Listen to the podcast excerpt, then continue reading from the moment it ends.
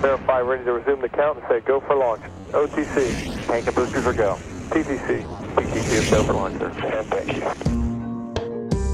Velkommen til Rumsnak, en podcast om rumnationen Danmark og de danske rumaktiviteter inden for både forskning og forretning. Mit navn er Tina Ibsen. Jeg hedder Anders Høgh Nissen. Spænd selen og start nedtællingen. Vi er klar til affyring. one, zero, and liftoff. All right, uh, lift off and the clock has started. Velkommen til Rumsnak, hvor vi i denne episode skal fagne spændet fra byggeklodser i atomstørrelse og til et helt Mars-habitat. Ja, vi skal nemlig se nærmere på, hvordan 3D-printer kan bruges mange steder inden for rumfart og rumforskning, og vi har talt med arkitekt Jakob Lange fra BIG og med Maxim Plachotnik fra Atlant 3D Nanosystems, der holder til oppe på DTU. Ja, derudover har vi naturligvis også nyheder og bonusstof her efter påskeferien, og må ikke der også bliver tid til et lytterspørgsmål. Det bliver altså alt sammen her lige i Rumsnak. Jeg hedder Tina Ibsen. Og jeg hedder Anders Høgh Nissen. Velkommen til. Three, two, one, zero, and liftoff. Men Anders, inden vi kaster os over 3D-printer, så tager vi som sædvanligt lige et par korte nyheder, og nu tillader jeg mig også lige at køre lidt selvpromovering igen her fra Rumsnak A. Fordi næste episode, som også er sæsonens sidste officielle episode, det er nemlig en liveudgave med titlen På mission til solen. Og den optages altså i planetariet på Stenemuseet i Aarhus. Og hvis man har lyst til at være med og samtidig markere vores sæsonafslutning med Maner, øh, og selvfølgelig høre meget mere om solen, øh, så er det altså den 11. maj kl. 19 til 21. Vi skal nok lin- linke til billetter i vores show notes, og så kan man også finde link til billetter på vores Facebook-side. Mm. Nå, videre til de rigtige rumnyheder. Anders, du Ja, lægger næsten, ud. næsten, fordi jeg har også lige en ekstra praktisk information. Øh, Okay. Der er gang i et større byggeprojekt lige nede i gården her i studiet, eller ved studiet, hvor vi, hvor vi optager. Så hvis man hører maskinlyd i baggrunden, så er det altså derfra. Og jeg beklager, det er ikke noget, jeg kan gøre noget ved. Vi kunne ikke bare tale på et andet tidspunkt, og de øh, bygger Vi har været om. nede og råbe af dem, og de gider ikke stoppe. De Nej. bygger om på, på mærkelige tidspunkter, det er ikke helt til at finde ud af. Jeg skal nok prøve at filtrere det så godt jeg kan, men det er ikke til at slippe for. Sådan er det, når man er herude i, øh, i virkeligheden. Hmm. Så, til nyhederne. Ja. Og hvis vi skal lægge ud med en kort opfølger, som vi plejer, så øh, handler det jo for tiden desværre om øh, krigsballaden og øh, hvilken indflydelse det har på rumstationen. Og der har tidligere været trusler fra Rokosmos i Rusland om, at de vil nedlægge samarbejdet, eller endnu værre ligefrem lade den internationale rumstation styrte til jorden, hvis sanktionerne mod Rusland fortsætter. Men nu har amerikanerne så været ude med det, man jo godt kunne kalde en solid omgang mod propaganda. Mhm.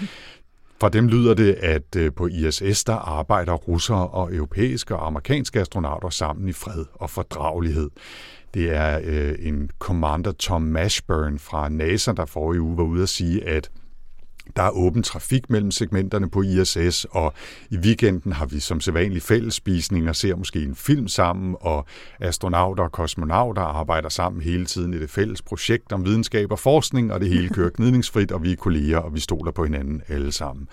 Og det er jo forhåbentlig også rigtigt, at besætningen på ISS kan være sammen og tale sammen, arbejde sammen uden alt for meget ballade. Men jeg har nu nok alligevel lidt svært ved at forestille mig, at der ikke er nogen spændinger deroppe, når situationen er som nær, og de så oven i købet befinder sig på så lidt plads og er tvunget til at arbejde sammen i et miljø, der jo altså, øh, truer hele tiden med at slå dem ihjel basalt set. Ikke? Så, Ja, lad os sige, man skal være, øh, man skal være et, et godt sådan rundt og konflikt øh, nedtrappende menneske, ja, det, hvis man skal arbejde i, øh, på ISS lige nu, ja, det, jeg. det er helt sikkert. Ja. Nå, Tina, lad os få lidt godt nyt i stedet. Ja, altså nu laver jeg jo en opfølger også. Det er jo sådan mit faste Velkommen segment til James Webb-snak. med Tina Ibsen. Ja. Anders, jeg vil faktisk også sige, at det er noget det, vi bliver spurgt om af vores lyttere ude på de sociale medier rigtig meget. Ja. Kom nu med opdatering fra James Webb Space Telescope. Så det er jo bare, altså, det er Du- lytterpleje. Du giver folk, hvad jeg de, giver hvad folk, hvad de vil have. Ja, det er Øhm, godt. det er overhovedet ikke personligt på nogen måde. godt. Men en opdatering herfra. Alle instrumenterne på James Webb Space Telescope er nu kølet ned til den temperatur, som de skal være for at kunne virke. Øh, Og det det sidste til det, øh, instrument, der blev, øh, der blev kølet ned. Det er det her MIRI-instrument, der står for Mid Infrared Instrument. Øh, Det er bygget i samarbejde mellem NASA og ESA, og det er altså nu kølet ned til minus 266 grader Celsius. Det er immer væk en slat. Det er en smule, ja. Og så kan man sige, hvorfor gider man overhovedet at køle noget ned til de temperaturer?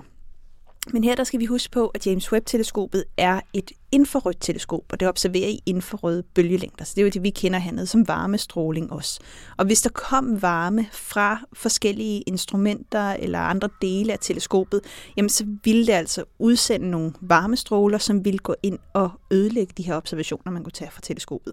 Og, og det er jo derfor, at de skal køles ned.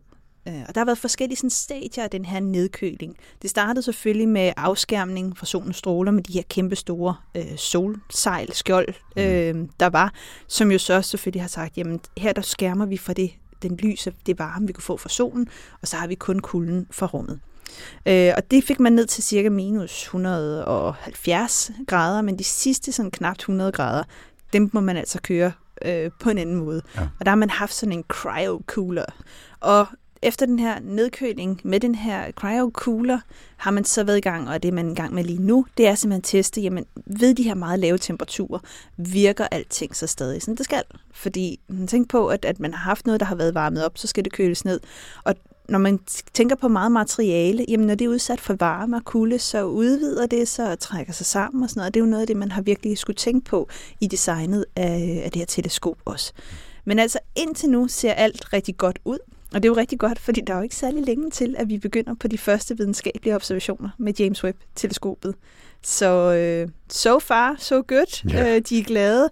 Men øh, jeg tror også, at jeg læste et sted, at bare under opsendelsen, der var der sådan 300 øh, punkter, hvor hvis der var et af de her punkter, der gik galt, så ville hele missionen være tabt. Prøv lige at tænke på det. Jamen, jeg, altså, vi har talt om det tidligere. Jeg har, slet ikke, jeg har slet ikke nerver til at tænke rigtigt på, hvor meget der kunne være gået galt i, i det her projekt. Øh, og ting jo også, der er gået galt, ikke? fordi mm. det er jo blevet skubbet mange gange og så videre. Ikke? Men, men nu er det jo virkelig bare, nu er der jo ingen kære mor. Hvis der er noget, der går i stykker nu, så, Så er de det jo fucked. Altså, Ja, Der er ikke noget, man kan gøre. Det er jo ikke noget, man lige tager hen med en skruetrækker og, og Nej, retter på. Vel? Og det er jo ikke altså, ligesom Hubble, hvor man kan tage op og fikse Nej. det, efter at der var nogen, der ikke havde været helt så gode til deres arbejde.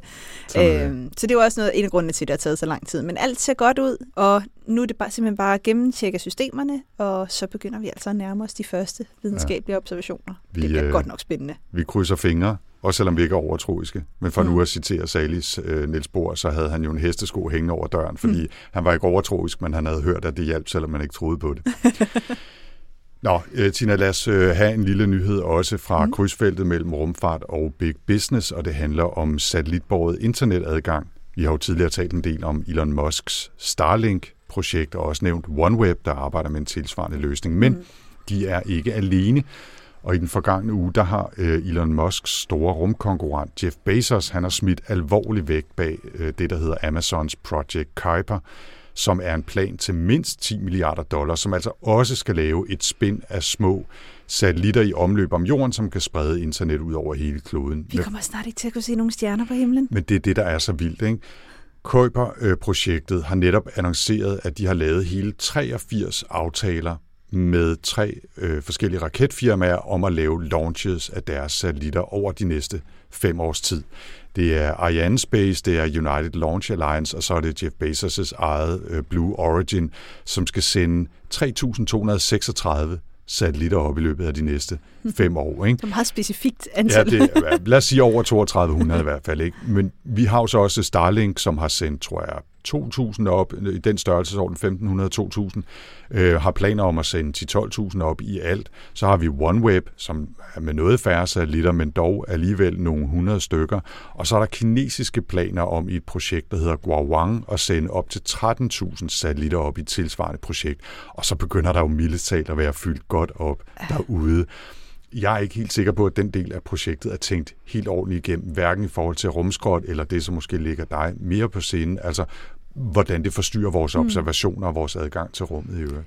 Jamen, og det, altså, det, det viser lidt det her med, at de private aktører bare får lov. Altså, at, at, øh, at rumlovgivningen jo også er, at jamen, det er hvert land, der skal give tilladelse. Og hvis USA har et øh, internet-web-system, og det er Elon Musk, jamen, så vil den anden øh, cowboy også have, ikke? Og Ja, så vil og så kineserne have, og så have, ja. Rusland, og hvad så? Skal Europa så ikke også? Altså, da, da, hvornår stopper det her, ikke? Jo, jo. Og det er Øh. det er jo noget af det, vi trækker på, når vi bruger dem i altså, som, altså til at, at launche vores ting, og det har jo, har jo haft en masse god effekt, altså mm. priserne er faldet og så videre, Ja. og så videre, men det er jo også, øh, hvad kan man sige, den bagside, eller bagsiden af medaljen er det, vi ser lige nu, ikke? Altså at hvem som helst bare stort set så kan bygge en raket og sende ting op, ikke? Ja, og i sidste ende er det jo så USA, der giver tilladelse. Så der, der ligger noget, noget stor politik øh, og venter her. Ja. Øhm, fordi på et eller andet tidspunkt med så mange satellitter kommer det også til at gå galt. Ja, og så kan man håbe, de bare smadrer hinanden og ikke smadrer noget, der er dyrere og vigtigere for os derude. Jeg tænker nok, man sidder på rumstationen deroppe og, og tænker, kan vide, hvornår der kommer en? Ja. Ja. Nå, Tina, øh, for at det ikke skal blive helt for frygteligt øh, det hele, så har jeg også et par korte bonushistorier.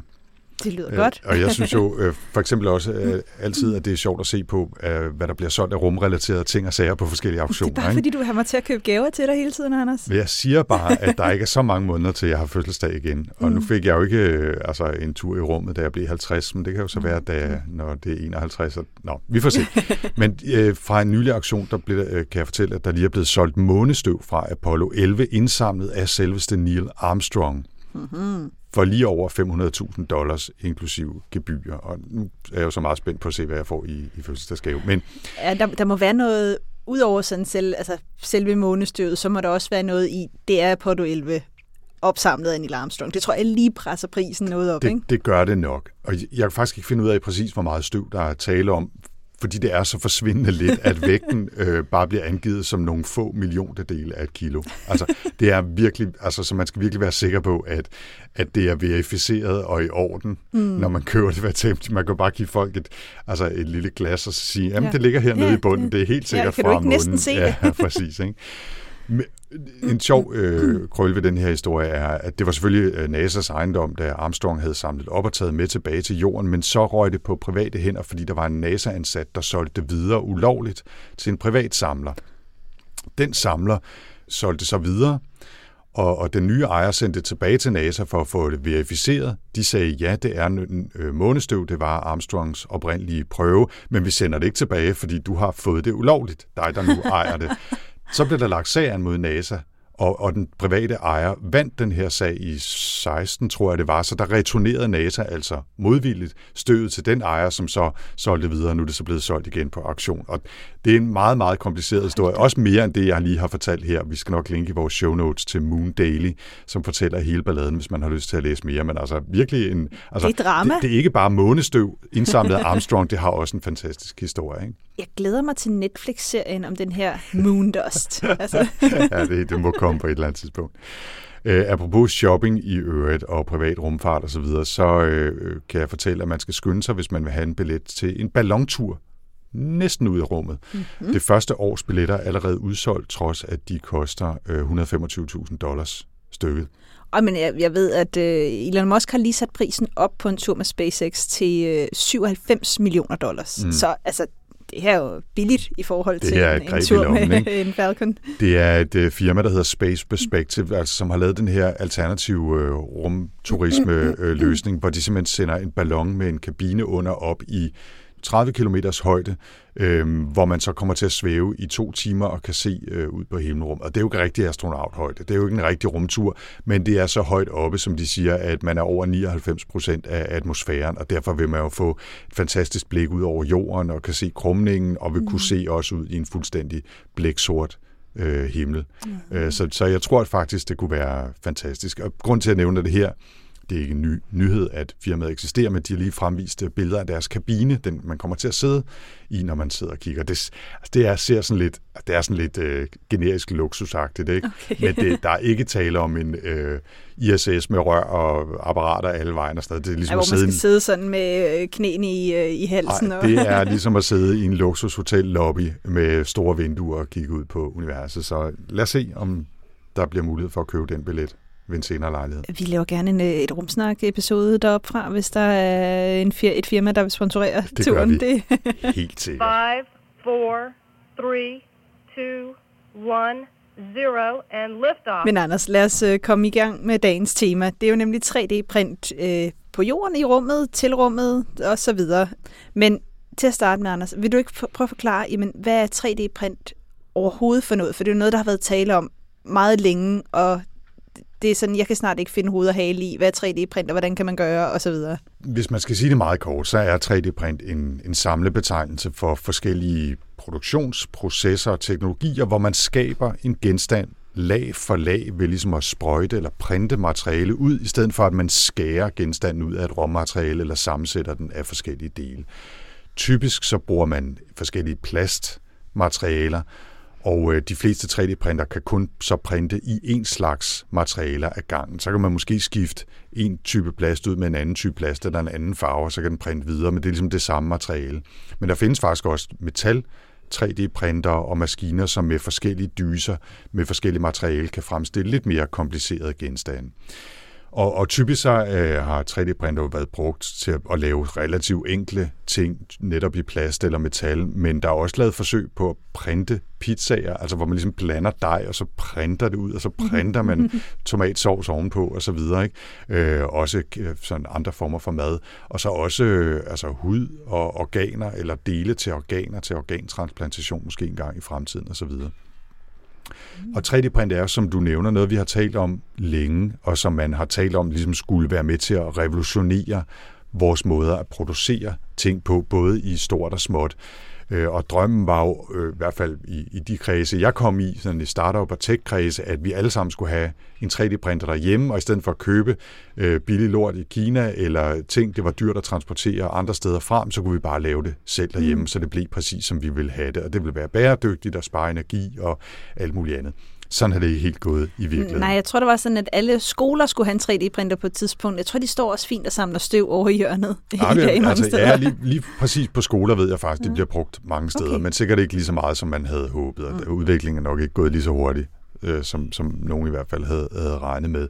Men udover at at de kan bruges til det her med at lave prototyper eller enkelstående produkter, så er man faktisk også begyndt at bruge tilsvarende teknologier i selve produktionen øh, hvor man øh, kalder det additive manufacturing, altså produktion ved at bygge ting øh, oven på hinanden, eller øh, bygge materialer oven på hinanden. Mm. Og der er, øh, der er de altså i, i store anvendelser, og, og der laver man så ikke én genstand, men laver måske 10.000 genstande, men i den der mellemfase af produktion, hvor det ikke giver mening at bygge en kæmpe stor samlebånd, fordi der skal laves en million af nogen, mm. men, men det er også altså det er for svært at lave i hånden. Altså, så, ja. så bruger man de der ting til at lave hundredvis måske af, af et enkelt produkt. Ikke?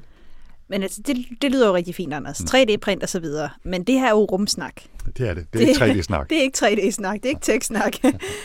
Hvorfor er det interessant, når det handler om, om rummet og, og rumfart? Ja, altså hvis man skal sige det sådan øh, overordnet, så er det fordi at additive manufacturing eller 3D-print kan være med til at øh, spare materiale og, og i hvert fald i nogen sammenhæng også fungere ret energieffektivt.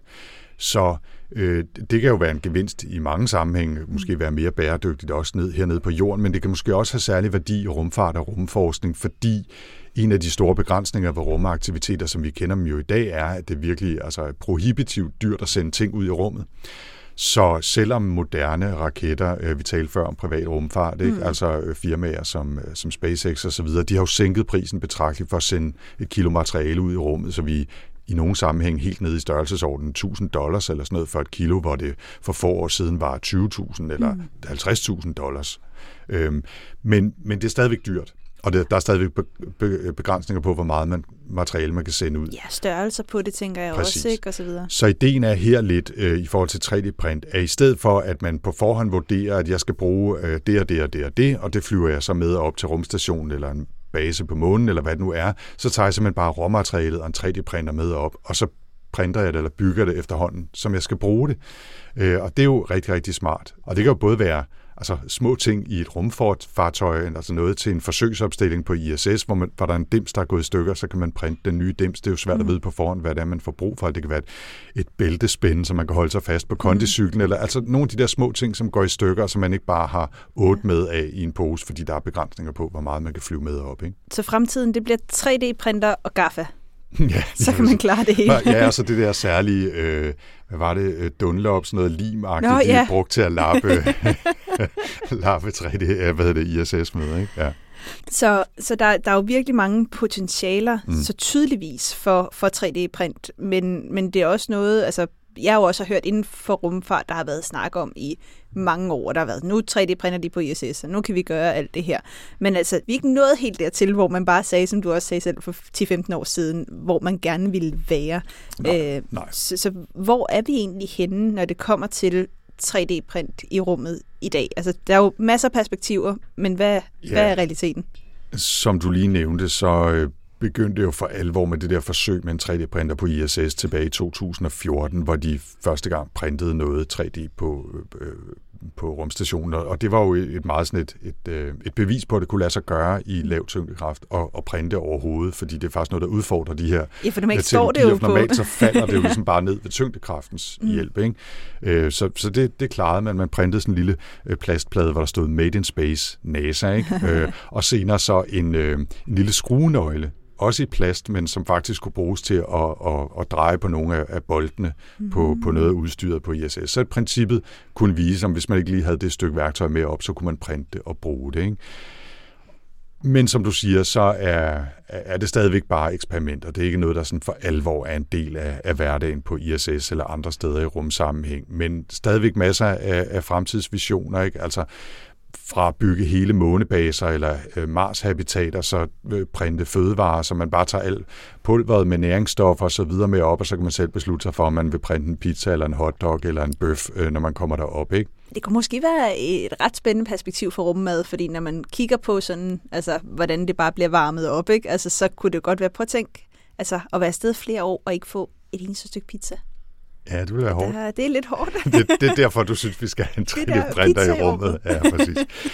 Ja, så øh, det, det er stadigvæk der, vi er, altså på eksperimentalt niveau. Ikke? Men som sagt, masser af visioner, og, og selvfølgelig også nogle udfordringer, man lige skal takle. Der er noget med, som vi nævnte, tyngdekraften, som, som ikke er der, som kan være svær. Ikke? Hvad, man skal sørge for, at der ikke er materiale, der bare slipper ud og, og svæver væk mm. øh, og, og forurener resten af miljøet i, i, i rumstationen, hvis det er der, det er, og så videre, og så videre. Øh, der er ikke øh, nødvendigvis de samme luftbevægelser omkring, så man skal tænke køling på nye måder, og så videre, og så videre. Men det spiller også en rolle her på jorden, øh, kan jeg lige nævne. NASA har lige fremvist et eksempel på en 3D-printet genstand af en helt sådan særlig superstærk metallegering, som de ikke kunne lave på andre måder, som for eksempel kunne bruges i en raketmotor. Og der er også et firma, der hedder Relativity Space, som fuldstændig har redesignet raketter med udgangspunkt i, at alting skal være 3D-printet. Og de siger, at de kan reducere antallet af enkeltobjekter i deres raketter 100-fold. Altså, så der er 100 gange færre komponenter eller dele af deres raketter, end der er en traditionel raket af samme størrelse. Og det er jo også ekstremt øh, smart, fordi det betyder, at der er meget færre ting, der kan gå i stykker. Ja. Der er meget færre ting, der skal bygges. Processen kan gøres meget kortere. Og de siger, at når de øh, launcher i 2024 og, og i årene efter, der vil de kunne bygge en hel raket, som kan flytte en nyttelast på 20 tons. Den vil de kunne bygge på under to måneder med deres teknologi. Det er det- altså rimelig crazy, hvis det kommer til at, at kunne lade sig gøre. Ikke? Det er, nogle, det er et ret spændende perspektiv, Ja, det må jeg. man sige. Ja. Men Tina, nu har jeg snakket om 3D-print og øh, så videre i sikkert alt for lang tid. Jeg synes, vi skal stille om til en af dem, der faktisk har været i gang med at udforske mulighederne for, for 3D-print i rummet. Ja, vi har haft øh, besøg her i studiet af partner Jakob Lange fra BIG, altså Bjarke Engels Group, der blandt andet har stået bag et øh, 3D-printet Mars-habitat, der hedder Mars Dune Alpha. Det er lige nu i gang med at blive opført på øh, NASA's Johnson Space Center i Texas, og her vil man i de kommende år gennemføre sådan nogle simulerede Mars-missioner, altså som simpelthen nogle mennesker, der skal bo i det her Mars-habitat, de har bygget, og leve, som man gjorde, hvis man var på Mars. Men det får Jakob altså lov til at fortælle meget mere om her. Jeg hedder Jakob Lange. Jeg er partner i BIG og har arbejdet på vores tegnestue i 18 år nu. Øh, og jeg beskæftiger mig med de projekter, som ligger en lille bit smule uden for det traditionelle øh, scope øh, for øh, arkitekter. Det vil sige øh, nye teknologier som øh, Hyperloop. Øh, og så arbejder jeg også med de her projekter, der relaterer sig til rummet og andre spændende teknologier. Så man kan næsten kalde dig rumarkitekt. Øh, ja, det vil jeg meget gerne kalde mig selv. det er også en virkelig, virkelig cool titel. ja. Jakob, øh, et af de projekter, som I har gang i for tiden, det hedder Mars Dune Alpha. Kan du ikke lige kort fortælle, hvad det går ud på? Jo, øh, Mars Dune Alpha er et, øh, et projekt, hvor NASA øh, planlægger at teste forholdene øh, omkring det at, at bo på en anden planet.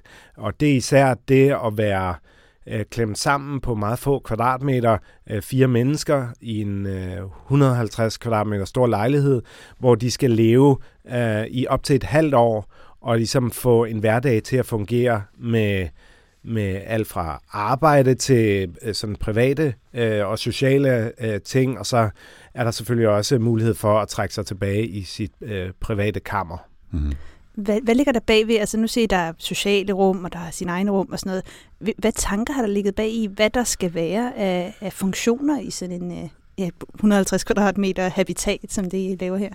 Jamen altså, man kan sige, sådan helt grundlæggende er det meget veldefineret, hvilke funktioner der skulle være i det her hus. Men når vi som arkitekter får opgaven, så skal vi jo kigge på, hvordan laver man et så differentieret øh, dagligdag øh, som muligt. Og et, et af punkterne eller elementerne er, at vi får adskilt det at være på arbejde med at, øh, at sove eller, eller være privat øh, så meget som muligt. Og derfor har vi, bruger vi det sociale rum, øh, opholdsrummet i midten, som, som det her samlingssted, øh, hvor man, øh, når man står op om morgenen, øh, er du helt for dig selv, så går du ind i opholdsrummet, øh, hvor du kan, øh, kan hygge dig med de andre. Når du skal gå på arbejde, går du i den fjerne ende af bygningen på arbejde. Og så når du har fri fra arbejde, jamen, så bevæger du dig ind i det sociale rum, før du øh, går i seng. Så det er ligesom for at få lavet den her øh, øh størst mulige adskillelse mellem øh, arbejde og privatliv. Jakob, øh, Mars Dune Alpha er jo et super spændende projekt, og det bliver interessant også at følge, når, når folk skal ind og leve i det for at teste, hvordan er det at opholde sig i noget, der måske engang i fremtiden kan blive et habitat på Mars.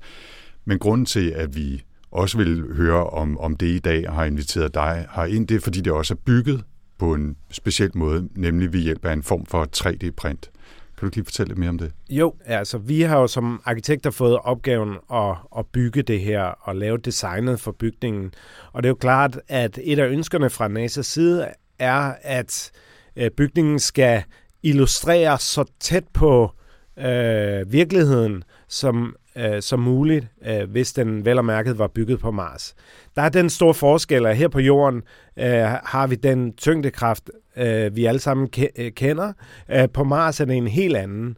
Så der vil være nogle byggetekniske forskelle på de to steder, og derfor ser bygningen her på, på jorden ud på en måde, og på Mars vil den komme til at se ud på en anden måde. Altså for eksempel behøver vi ikke at lave meter tykke vægge øh, for at håndtere temperaturforskellene.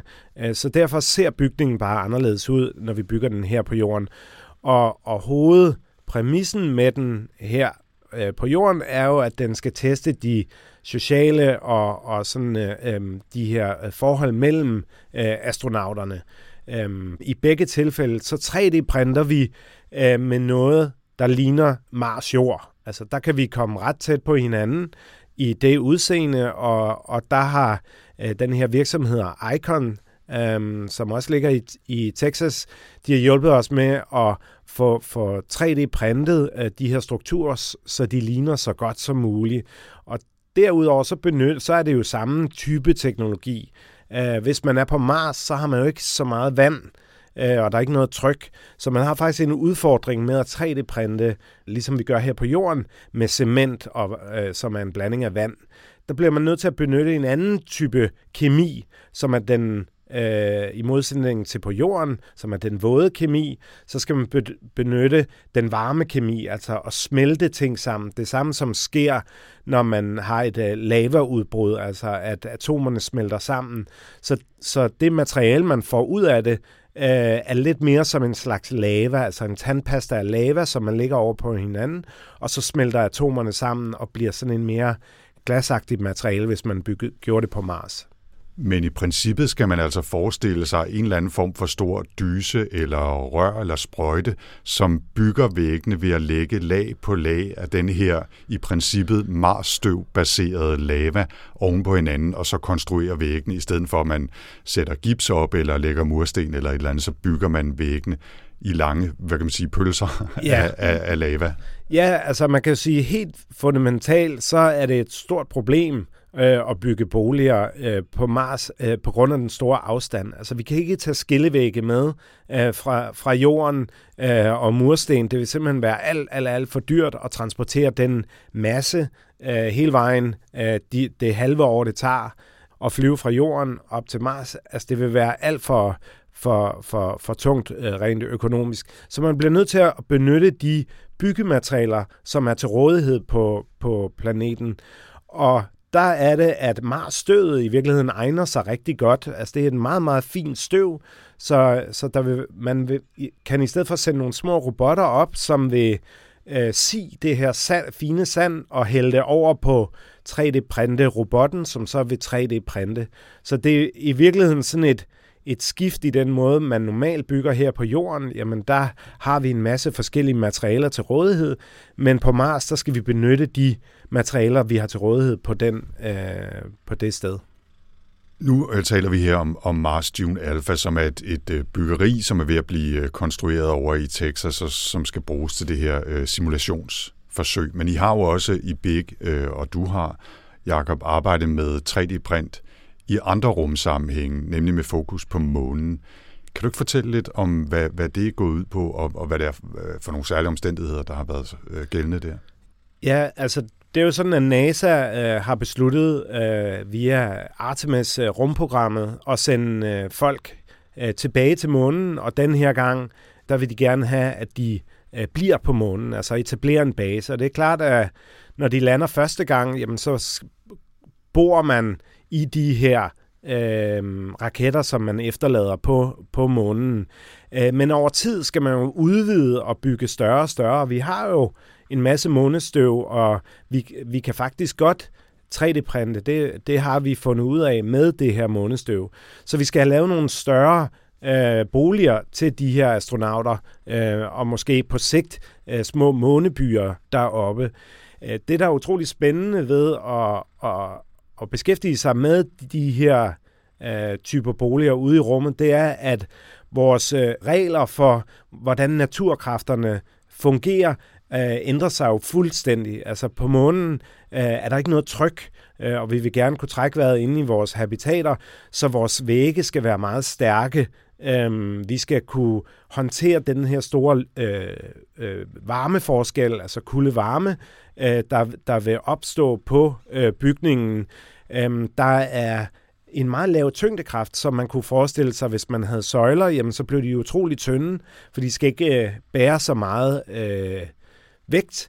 Øh, og når man så øh, parer det med de forhold, som gør sig gældende fra, øh, fra 3D-printerne, som også har nogle begrænsninger, jamen så får man noget arkitektur, som ikke ligner noget af det, man finder på jorden, men som i virkeligheden bliver en slags måne vernacular. Altså man snakker om vernacular architecture på jorden. Altså vi kender det fra øh, bygninger øh, i Arktis øh, er meget anderledes end dem, man finder måske i Tunesien, øh, hvor man graver sig ned under jorden, fordi man gerne vil holde øh, varmen ude, og i Arktis, jamen der vil du gerne sørge for at holde varmen inde. Så arkitekturen, alt efter i hvilket klima man bygger, øh, ser meget øh, anderledes ud. Og på månen har vi fundet ud af, at når man bygger en, en sådan en dome, altså en stor øh, sådan halvbold, øh, jamen så når, når vi kommer over en omkring 200 kvadratmeter, jamen så giver det faktisk ikke mere mening, fordi kræfterne i denne her dome bliver så store, øh, at den simpelthen vil kollapse. Øh, men i stedet for, øh, så kan man lave en øh, sådan en donutform, øh, fordi at tværsnittet i donutten altid kan forblive lille. Så vores design for denne her det her månehabitat er i virkeligheden en donutform, øh, hvor man går inde i sådan et kirkelignende rum med 5-6 meter til loftet, fordi at 3D-printeren kan jo ikke printe et loft. Den bliver nødt til at printe skrå vægge, så man har skrå vægge, der går op imod sådan et kirkevælv, øh, formet som en donut. Så det ser selvfølgelig meget øh, specielt ud, øh, den her arkitektur. Det lyder fedt. Ja. Også hernede i virkeligheden. Altså, men øh, det, må vi, det må vi lave en aftale om senere, hvad I kan, Ja. hvad I kan printe for os. Det, jeg tror godt, Rumsnak kunne bruge et nyt hovedkvarter på et Ja, andet Det, tidspunkt. det vil vi gerne. det tager vi en snak om. printet. Men jeg, men jeg skal lige, altså, hvor meget kan I så 3D-printe, eller håber I at kunne 3D-printe? Er det selve strukturen, eller er det også indmaden, indre vægge øh, og andre design features? Jamen, altså i princippet kan man jo printe øh, alt øh, deroppe. Den største udfordring øh, er den energi, man har til rådighed, fordi det kræver en vis energi at, at varme det her månestøv op, så det smelter sammen.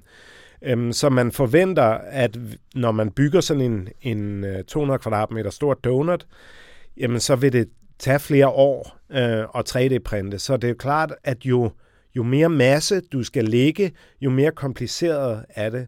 Så vi har, øh, vi har gjort det, at det ydre af den her dome øh, består i virkeligheden af sådan nogle ribber, øh, som danner sådan lidt, hvad man kunne øh, ligner sådan en, et, et vævet øh, net, øh, som, som øh, laver nogle hylder, hvorpå øh, nogle andre robotter kan hælde normalt sand på. Så man, man får i virkeligheden sådan en, en, en flettet kurv med en masse øh, hylder øh, med sand øh, set fra ydersiden, sådan at man opnår en, en vægtykkelse på, på to meter, øh, så man øh, kan klare den her temperatursvingning, der er øh, mellem det indre øh, og det ydre.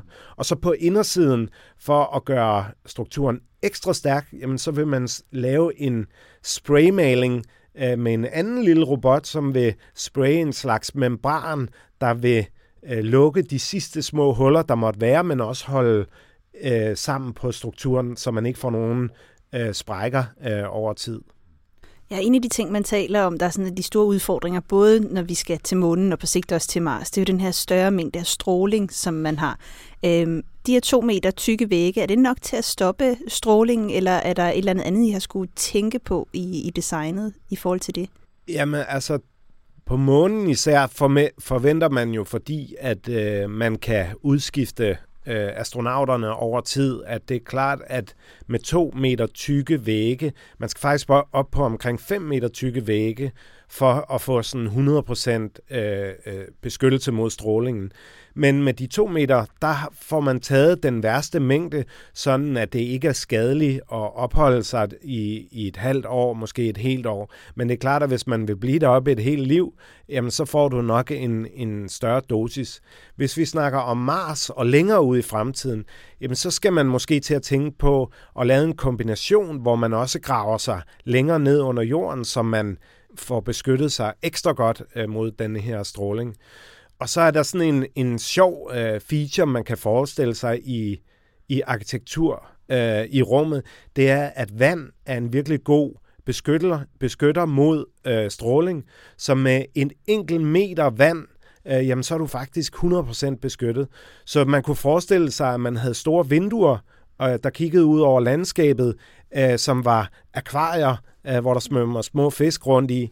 Øh, det ville jo være sådan en, et ret fantastisk øh, øh, billede. Stå og kigge ud på, øh, på jorden, øh, eller hvad det nu er, så, så svømmer der sådan en lille klovnefisk i, igennem med sådan meters øh, akvarium øh, til beskyttelse. Men, men det siger jo noget om, øh, at mulighederne for at tænke arkitektur på andre måder, delvis tvunget af omstændighederne, er fantastiske i, i den slags projekter. Jeg tænker også, det er noget af det, der gør, at det er sjovt for dig og jer at se på den her slags ting. Øh, men det får mig til at spørge også, hvorfor I gør det. Altså, er, det, er det øh, simpelthen fordi, I tror, det bliver en, en vigtig forretning for jer en gang, måske om, om flere 10 år, eller er det for at kunne udnytte teknologierne til at lave projekter her på jorden, eller hvorfor er det, du og, og Big beskæftiger sig med rumarkitektur? Ja, altså, der, der er ligesom to dele af, af svaret. Altså, dels øh, ønsker vi på Big at være med til at, at skabe eller designe fremtiden. Øh, fremtiden i de bygninger, vi bor i, og de øh, sådan bymiljøer, vi bevæger os rundt i, øh, og måske også de designs, som vi bruger i vores øh, hverdag. Og så er det jo klart, det at tage til rummet er jo sådan en ny frontier. Altså, der har ikke været bygget rigtig arkitektur i rummet før, og det vil jo være en stor sådan, øh, drengedrøm øh, at få lov at være med til at tegne øh, det, det første arkitektur ude i rummet. Derudover en af grundene til, at vi selvfølgelig skal ud i rummet og, og begynde at tænke på de her baner, det er fordi, at der er en masse øh, teknologi, som skal udvikles øh, øh, for, at vi kan tage herud. Og meget af den her teknologi kan vi benytte her på jorden og måske øh, løse nogle af de udfordringer, vi står overfor i, i dag med at, at skabe en mere bæredygtig verden. Altså, det er jo sådan, at hvis du skal øh, hvis du flyver til Mars, jamen, så er du tvunget til at blive der, eller rejsen er en to et halvt års lang rejse, så det bliver nødt til at være et lille økosystem, øh, hvor alt bliver genbrugt. Øh, vand, når du tisser, jamen, så skal øh, du senere drikke en kop kaffe, hvor det samme væske øh, bliver brugt. Så du skal ligesom have filtreret og genbrugt alle de materialer, som kommer. Og det er klart, at noget af den teknologi, som bliver udviklet, ved at tage til månen og Mars, jamen det er noget, vi kan bruge her på jorden. Altså et rigtig godt eksempel er Apollo-missionen, hvor en masse af de teknologier, som vi i dag øh, benytter os af, øh, er faktisk udviklet igennem øh, Apollo-programmet. Alt fra Øh, støddæmpere til skyskrabere, som blev brugt, øh, da de store øh, raketter skulle skydes afsted på de her affyringsramper, jamen så byggede man sådan nogle støddæmpere ind, og det gør, at jordskælvsramte områder også kan have skyskrabere i dag, eller øjenoperationen LASIK er udviklet, så man kunne øh, se, hvor, hvorhen øh, de her piloter og astronauterne kiggede hen, og nu kan vi så meget præcis kontrollere det, og derved operere folk øh, med LASIK, og så videre, så videre, isoleringsmaterialer, vandrensningssystemer. Øh, den, listen er meget, meget lang og utrolig interessant. Ja, hvis man så kigger på, på hele det her med at 3D-printe med sand eller rekodit på månen, støv på Mars, øh, er det, øh, nu er vi i de her klimatider, hvor vi taler også meget om, at jamen, blandt andet sådan som cement og beton er jo en enormt stor klimabelastning. Mm. Vil det være et klimavenligt alternativ at bruge det her i forhold til, til de materialer, vi bruger i byggeriet i dag? Ja, det er jo det, der er super interessant, fordi at øh, vi har jo masser af vand her på jorden, øh, og processen med at lave øh, cement øh, udleder en masse øh, CO2 øh, i atmosfæren. Derimod, hvis man bruger den varme kemi, øh, som jeg nævnte, øh, jamen så smelter du i atomerne, og der er faktisk ikke noget, øh, der, der er ikke nogen affaldsstoffer i denne her proces. Det eneste, vi har brug for, det er energi. Men hvis vi nu kan få energien fra vindmøller eller, øh, eller solceller eller anden form for energi, altså hvis vi har nok energi, øh, jamen så kan vi faktisk lave en, så har vi en byggeteknik, øh, som, som ikke øh, forurener øh, med, med CO2 og andre drivhusgasser. Kan du sige noget om, Jacob, hvad, hvad er de største udfordringer ved at bruge øh, 3D-print-teknologien i, i de her sammenhænge? Altså, du har lidt, lidt nævnt, at når man tyngdekraften er jo lavere øh, på månen og Mars, og det bliver vi nødt til at forholde os til. Der er ikke vand og så videre, men, men i forhold til selve printet og sådan noget, hvad, hvad er i virkeligheden, er der nogle udfordringer, eller er det basalt set en, en kendt teknologi og, og en løst et løst problem? Jamen, altså man kan jo sige, at 3D-printeteknologien er stadigvæk inde i den spæde begyndelse. Altså der øh, for hvert år kan man se, at øh, de her øh, øh desktop 3D-printere, jamen opløsningen og detaljegraden bliver finere og finere, og vi kan snart ikke se de her små revner, øh, der kommer i, i materialerne. Øh, og det er klart, at når vi når vi nu udvikler en ny type, hvor vi i stedet for at, at, at printe med, med, med beton, øhm, der brænder vi og laver en lava oppe på en anden planet, jamen så skal vi også igennem en del udvikling for at få forfinet den teknologi, øh, så den bliver helt præcis. Men jeg er ret overbevist om, at ved at tvinge os selv til at kigge på denne her teknologi, jamen så vil vi også øh, ret hurtigt komme så langt, at vi kan benytte den her teknologi øh, på jorden. Jakob, nu har vi talt om, om jeres idéer og håb om at, at, at skulle bygge habitater på, på månen og på Mars, og I er involveret nu her i, i Mars Dune Alpha-projektet, som er under konstruktion i virkeligheden ja. i, i Texas, og jo skal være øh, skueplads, havde han lyst, øh, næsten lyst til at sige, for et, for et simulationsprojekt. Er du selv rumnørd nok til, at du også tænker, ej, det gad jeg skulle godt prøve, enten over i Texas, eller måske en dag senere øh, i en kuppel eller en donut øh, på, på månen eller, eller lignende. Ja, altså jeg, jeg er ikke sikker på, at jeg vil øh, bo i, i den her øh, 150 kvadratmeter lejlighed i, i Texas øh, sammen med, med, med tre andre øh, kollegaer i et halvt år. Øh, men jeg, jeg er ret sikker på, at hvis jeg fik tilbuddet om øh, at blive sendt ud i rummet til månen, eller måske endda Mars, altså vil jeg kraftigt overveje det. Altså jeg synes, at det er virkelig spændende øh, område, øh, og det er jo, jeg tror måske, at det, det kilder lidt ved, ved sådan øh, den opdagelsesrejsende, vi nok alle sammen har, når vi tager ud og besøger øh, øh, nye lokationer rundt omkring på planeten, kravler op øh, på et bjerg eller ind i en hule osv. Så, så, så jeg er bestemt øh, opdagelsesrejsende. 5, 4, 3, 2, 1, 0, and liftoff. Og det fortalte altså her Jakob Lange fra Big. Men vi er altså ikke helt færdige med det rumrelaterede 3D-print endnu. Øh, fordi Anders, du har været ude af huset. Ja, det har Du fik lov til at tage afsted helt alene. ja, du, du gad ikke Nej, jeg gad ikke. øh, og du har besøg, besøgt uh, innovationsfabrikken ESA Big op på, uh, på DTU, og Big med C, og ikke Big med G. Business, ja, Business Incubation, Incubation Center. Center. Ja. Øhm, og du har besøgt uh, Atlant 3D Nanosystem, som altså også arbejder med det her 3D-print. Det er dog lidt anden størrelse end de her kæmpe uh, Mars-habitater her. Og øh, din tur, Anders, den kan man altså høre meget mere om nu, og jeg skal lige sige, at det, det foregår på engelsk, fordi stifteren, øh, Maxim Plaktonik, var det sådan? Tæt på, Maxim Plahotnik. Plahotnik, yes, han kommer nemlig fra Ukraine.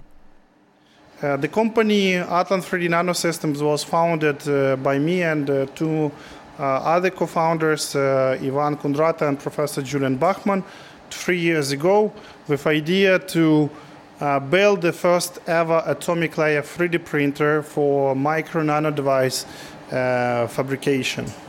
And just briefly, what is atomic layer 3D printing?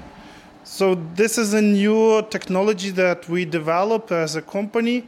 It's based on uh, atomic layer deposition technology, which is for microchips, for uh, micro device fabrication. This is a technology that gives high precision, atomically precise uh, materials for micro nano devices, or in other words, it's an atomic layer 3D printer.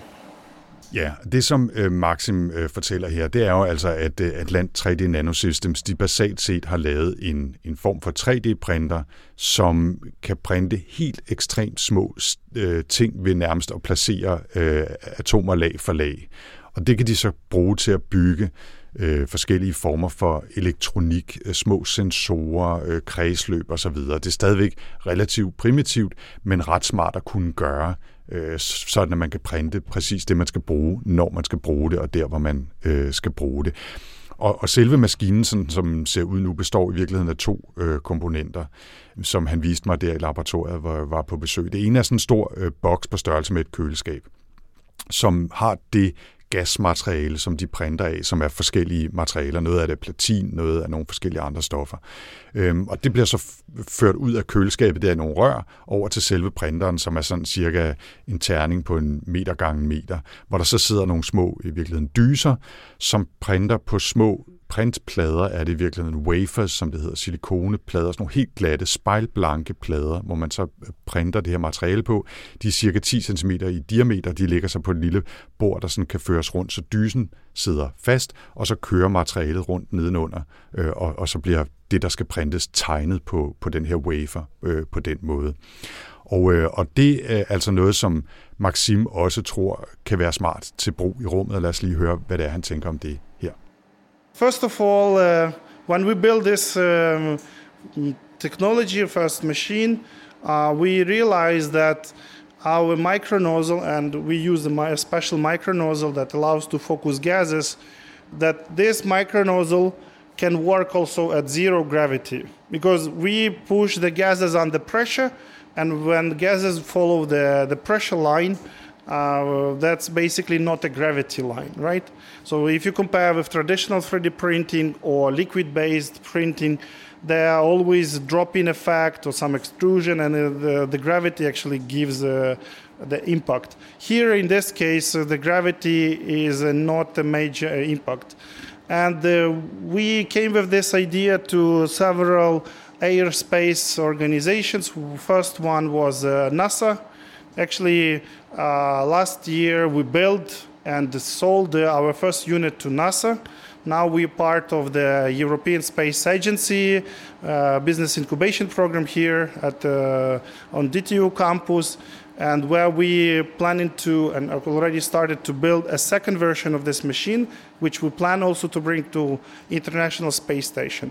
What it gives in the short term and long term is that this technology, when it works at zero and uh, uh, microgravity, it can enable direct printing of micro nano devices with superior properties, material properties, on orbit or in space manufacturing of micro nano devices. So you don't need to go back and forth uh, from orbit to Earth, uh, bringing micro nano devices. So it can enable in space manufacturing for long, uh, long uh, distance travel uh, or intergalactical travel, I hope, in the future.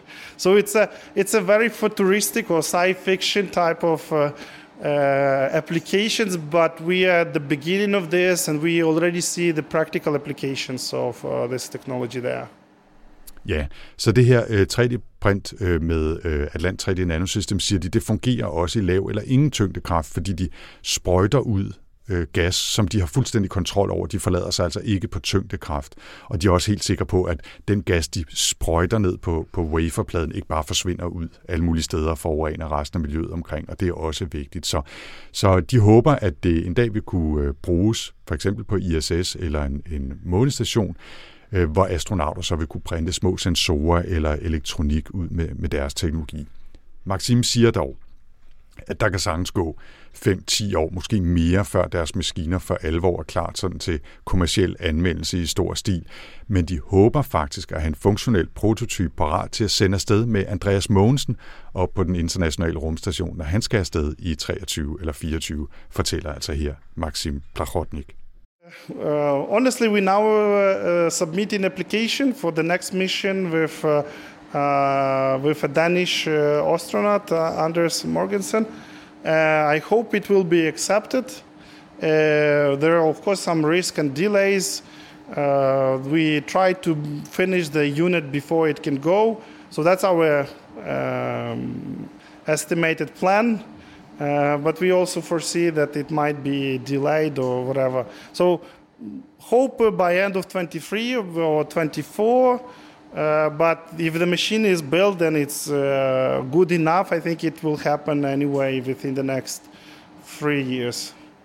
Ja, må vi se, om det lykkes. Det er i hvert fald øh, spændende. de, har, de, har, de har rigtig travlt. De har maskiner, der virker. Mm. Nu er spørgsmålet, om de kan få dem gjort klar, så de kan sendes med op i en eller anden størrelse. De får nok ikke ja, lov til at sende det, et stort det, køleskab med op. Der, der tror jeg altså, at, øh, at det er sådan, så siger, har vinder, det må I kunne gøre mindre. ja, vi, vi får se i hvert fald. Vi linker til selvfølgelig information om uh, Atlant 3D, og selvfølgelig også til information om Mars Dune Alpha og Big-projekterne, uh, vi hørte om tidligere fra vores show notes. Okay, it's a nice ride up to now. Og så er vi mm, ved at nærme os afslutningen, men vi skal lige have et lytterspørgsmål med. Det her spørgsmål har vi fået fra Leif Holmstrøm, og jeg tænker, det er dig, Tina, der skal svare. Men Leif, han spørger mm. altså, hvorfor roterer stjerner? Og så fedter han skamløst for Tina ved at sige, at han har læst øh, din bog om nordlys, hvor du beskriver dannelsen af solen og solsystemet med en stjernetog, der kollapser under sin egen vægt, og at den så efterfølgende roterer hurtigere og hurtigere, jo mindre den bliver. Men hvordan begynder rotationen, spørger altså Leif mm. Holmstrøm. Tina? Se, Leif har forstået, hvad jeg skrev, så det er jo skønt.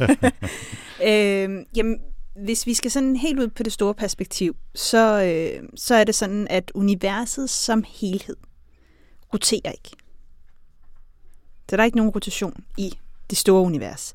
Men rotation er så noget, man kan lægge sammen og trække fra. Så hvis du for eksempel har en rotation med uret og en rotation mod uret i samme hastighed, så lægger du dem sammen, så får du en rotation, der er 0. Så, så kigger vi på øh, universet Melet er der altså ikke nogen rotation. Men fordi at galakser, stjerner, stjernetog og så videre er blevet dannet ved sammenstød, så ved de her sammenstød har det skabt rotationer.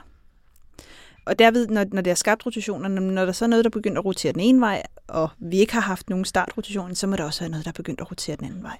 Så det er fra de her sammenstød, der er sket helt tilbage fra ja, minutterne, nok de første, i hvert fald de der ja, 300-400.000 år efter Big Bang, øh, hvor vi begyndte at se de her første større strukturer, der er de her sammenstød, der er sket, har skabt rotationer. Mm. Øh, og når vi så har haft, øh, lang, som, som Leif har skrevet her, vi har, vi har de her langsomme rotationer, øh, i stjernetog, og de kollapser. Så fordi rotation er bevaret, så når du har noget, der roterer langsomt på stor skala, når man øh, får det ned på et, et mindre område, jamen så skal de her, det her rotere hurtigere, for at rotationen er ved med at blive bevaret. Mm. Og det er også det, der gør, at vores solsystemer, i det hele taget planetsystemer, bliver fladtrykte, når de så dannes, og det er derfor, vi har alle planeterne, der ligger omkring ekliptika for eksempel i vores eget solsystem. Og vi ikke har planeter, der kredser i alle mulige forskellige retninger. Øhm, så rotationen er opstået allerede tidligt, fordi materiale har ramt hinanden ja, på forskellige måder fra forskellige vinkler, og, og så er rotationen opstået, og den er så blevet bevaret i virkeligheden og forstørret efterhånden, som universet har udvidet sig. Præcis, fordi ja. rotation er ikke noget, man kan komme af med. Det forsvinder ikke af sig selv. Øh, tusind tak til dig, øh, Leif Holmstrøm, og jeg kan så også fortælle, at du er den heldige vinder af to billetter til øh, rumarkitekturudstillingen på Dansk Arkitekturcenter her i København. Vi har allerede fået din adresse live, så du modtager to billetter herfra. Tillykke til dig. Og med det er Rumsnak landet for denne gang, men vi er jo allerede, som vi nævnte tidligere, ved at give op til vores næste optagelse, som bliver endnu en live-optræden, Tina. Ja, for vi tager til Aarhus øh, og skal møde tre spændende gæster den 11. maj i Planetariet på Stenemuseet. Og det skal altså handle om solen. Vi kommer til at kigge på solen både fra en sådan videnskabshistorisk vinkel med fokus på de nye missioner og så den forskning, der også foregår i solen lige nu. Øh, og som sagt, så er der altså allerede gang i billetsalget, øh, og hvis man øh, er over i nærheden af Aarhus, så kan man jo komme og sige hej til os på Stenmuseet den 11. maj. Og hvis man ellers gerne vil vide mere om Rumsnak, så kan man finde os på Facebook, hvor Rumsnak har sin egen side, og på Instagram. Ja, hvis man har spørgsmål eller kommentar, så kan man altid skrive til os på Twitter med hashtagget Rumsnak. Man kan også finde mig på at Tina Ibsen på Twitter eller Astrotina på de andre platforme. Og jeg hedder Anders Stade 4ND3RS på Twitter. Og husk, at vi tager altid meget gerne mod input og idéer. Og hvis du synes, det har været spændende at lytte til Rumsnak, så er du meget velkommen til at dele med familie, venner og andre nysgerrige. Rumsnak er støttet af Novo Nordisk Fonden og bliver produceret af Potlab. Jeg hedder Tina Ibsen. Og jeg hedder Anders Høgh Nissen. Tak for denne gang.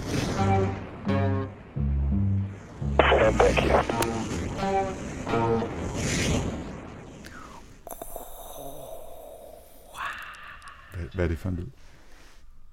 Det var øh, raket, og så sådan, yay, langt væk. Kan du køre det sådan en, en crowd? Mm-hmm.